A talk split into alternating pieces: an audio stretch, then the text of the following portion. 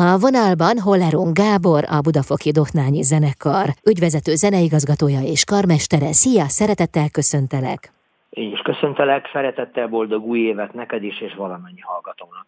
Köszönöm szépen, nagyon boldog, sikeres, szeretetteljes új évet kívánok én is. És ha új év, akkor ugye meglepetésekkel teli újévi koncert a Budafoki Doknányi Zenekarral a Műpában. Most bajban vagyok, mert ha meglepetés, nem tudom, miről beszélünk.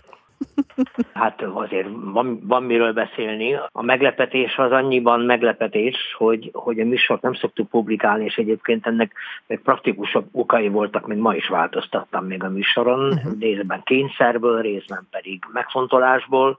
Ez tehát egy, egy, egy mindig létező mindig létező dolog, és hát valójában nem igazán egy, egy újévi koncertről érdemes beszélni, hanem mindjárt ötről valójában. E, ugye ami azt jelenti, hogy Mipában lesz kettő e, hangversenyünk, ugye ennek a hétnek vasárnapján, azt megelőzően Dunaharasztiban is lesz egy, egy újévi koncertünk, amely egy némileg azért tartalmazza műpás elemeket is, meg hát másokat is. Ennek nagyon örülünk egyébként, mert szívesen, szívesen kirándulunk különösen Dél-Budapest környékére és, és ebbe az irányba, mert, mert hát korábban is volt már újévi koncertünk és különböző koncertjeink a környező településeken, és örülünk, hogy idén Duna Haraszti meghívott minket, és ott tarthatunk egy koncertet, és hát természetesen a műpabeli ismét, délelőtt megismételt összesen két újévi koncertünkre majdnem egy héttel, ugye Budafokon van még két újévi koncertünk, az egyik a saját bérletünkben, a másik pedig az önkormányzat a fenntartónk számára a hagyományos újévi koncert, amit az önkormányzat vendégeinek tartunk, úgyhogy valójában a meglepetések azért sokszorosak, mindenhol egy picit más koncert van, értelemszerűen a két műpabeli, meg a két budafoki koncert az azonos lesz. Ugye annyit azért elárulhatok, hogy, hogy különleges dolgok lesznek azért a műpában, Cserekiei Andrea és Balog Eszter egy énekórát fog fog el parodizálni, amiből aztán ugye Mozart mellett kötnek ki. Ők azért emellett még mást is fognak énekelni, Olá Krisztián és a vendégünk lesz, aki egy fantasztikus, fantasztikus produkciót hallhattam tőle az emplénbe, és ezért meghívtuk, hogy, hogy egy ilyen kis opera jazz típusú dolgot csináljunk, és hát a két, két hölgy, Cserekje és Balog Eszter abban is részt vesz.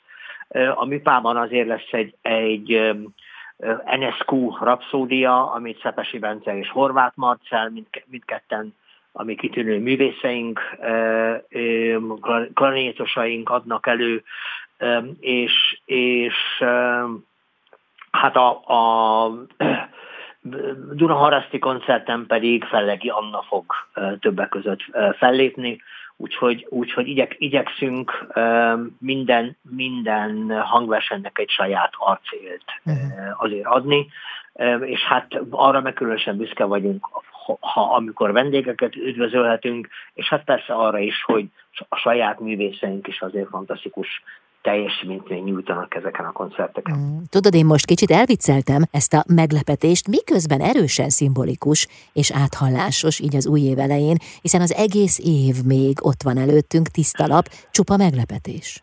Ez természetes egyébként, de azt gondolom, hogy ezeken a koncerteken, amelyek, amelyeknek azért kell egy dramaturgiának, felépítésének, és, és ha, ha úgy tetszik, ugye füle farkának lennie, azért értelemszerűen a munka közben is rájövünk arra, hogy valami így jó, vagy így nem jó, azért sem szeretjük ezeket meghirdetni. Nyilvánvalóan más egy, egy reguláris koncertől eldöntjük, hogy X szerző X szimfóniáját, vagy versenyművét adjuk elő, és a, ezzel meg azzal a szólistával, ez egy sokkal inkább logikusan előkészített. Ezeknek a hangversenyeknek van, van egyfajta szabadsága, és hát ezekre büszkék vagyunk, mert, mert azért a december 28-i igazából karácsonyi koncertünkön 9100 ember vett jegyet, és hát még ennél is többen voltak. Ami, ami hát, ahogy, ahogy azt büszkén mondtam, a pop szakmában sem lebecsülendő, és hát ezen, ezeken a koncerteken is nem tudja a közönség, hogy mit fog hallani, de abban azért biztos, ahogy az újévi koncertjeinken is, hogy, hogy jól fog szórakozni, Nyilván a karácsony hangulatához illik egy karácsonyi koncert, még ha stílusában és műfajában rendkívül széles, és nyilván az újévi koncerten fokozottan kívánjuk szórakoztatni a közönséget, ami azért, ami azért hatásos klasszikus darabokkal történik döntő mértékben, de hát azért kisebb-nagyobb csintalanságokkal mindig, amitől a közönség, közönség mosolyra is fakad, meg, meg hát egyfajta különleges hangulata is keletkezik e- ezáltal a koncerteknek. Mm. Ráadásul ebben a hónapban már, januárban folytatódnak a Budafoki hangversenyesték, a megérthető zenes sorozat is, illetve a zenekar nagy erőkkel készül egy február elejé nagy produkcióra. Így van. Ma a délutánunkat eh, kollégámmal, Turcsány Ildikóval, aki a szöveget összeállította, hát átnéztük a szöveg és zene kapcsolatát, úgyhogy nagyjából van most egy javaslatunk, holnap fogjuk Bakoskés Gáborral, a rendezővel ezt még egyeztetni. Ez egy valóban nagy produkció, és hát már nem az első, a tavalyi nagy sikerű Shakespeare produkció, a sok hűhó semmiért utáni ebben az évben is vettük a bátorságot, ezúttal nem egy színdarab lesz egyszerűen, hanem túl, és nem, nem a filmet próbáltuk valami módon adaptálni, hanem az eredeti levelezésből született egy, egy szövegkönyv, amelynek hát bizonyos pillanatai színpadért kiáltanak, bizonyos pillanatokban meg zenéért kiált. Ugye az érzelmeket igyekszünk a zenével megtámasztani, olyan is lehet, hogy egy műrészlet, vagy egy, vagy, vagy ez a legfontosabb megfogalmazási műrészlet teljességi szében elhangzik, olyan is lesz, hogy aláfestés lesz, Mozart lesz végig a zeneszerző. De nem árultad el a művet? Hát a, a veszedelmes viszonyokról van Bizony. szó. Vadoltam, mondd ki te. Elnézést. Igen, a veszedelmes viszonyokról van szó, amelynek ugye az eredeti levelezéséből indulunk ki, és hát Mozartot írtuk segítségül, és hát azt gondolom, hogy ez is egy nagyon fontos műfai kapcsolódás, mert Egyébként mozgás is lesz a, a, a darabban, Bozsik Ivett a koreográfus, amelynek egy része tulajdonképpen a maga dramaturgiának a, az előmozgatója, a mindaz, ami mozgásban történik. Hát természetesen nincs még kész a produkció, a fejekben vannak, kinek mi van a fejébe, aztán utána, utána ezeket még össze kell fésülni, minden esetre azt hiszem, hogy ezek rendkívüli produkciók, hogy a tavalyinak is hihetetlen sikere volt.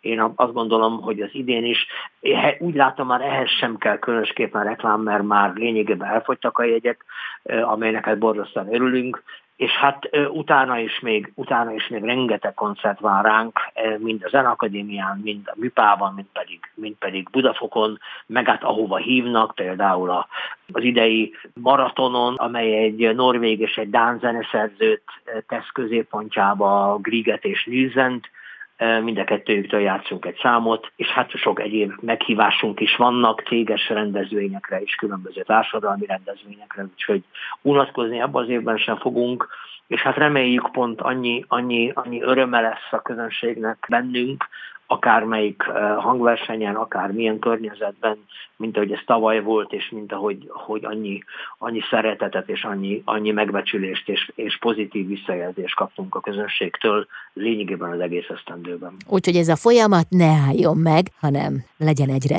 kiterjedtebb. Nagyon sok örömöt kívánok nektek, és hát örülök, hogy beszéltünk. Egyébként a veszedelmes viszonyok természetesen többször is látható, de februárban elsőként a Műpa színpadán lesz majd látható főszerepben Onodi Eszter, Adorjáni Bálint és Törőcsik Franciska. Nagyon szépen köszönöm a beszélgetést. Én köszönöm, és mindenkit szeretettel várunk a hangversenyeinkre. Holerung Gábor volt a vendégem, a Budafoki Doknányi Zenekar ügyvezető zeneigazgatója és karmestere itt az Intermedzóban.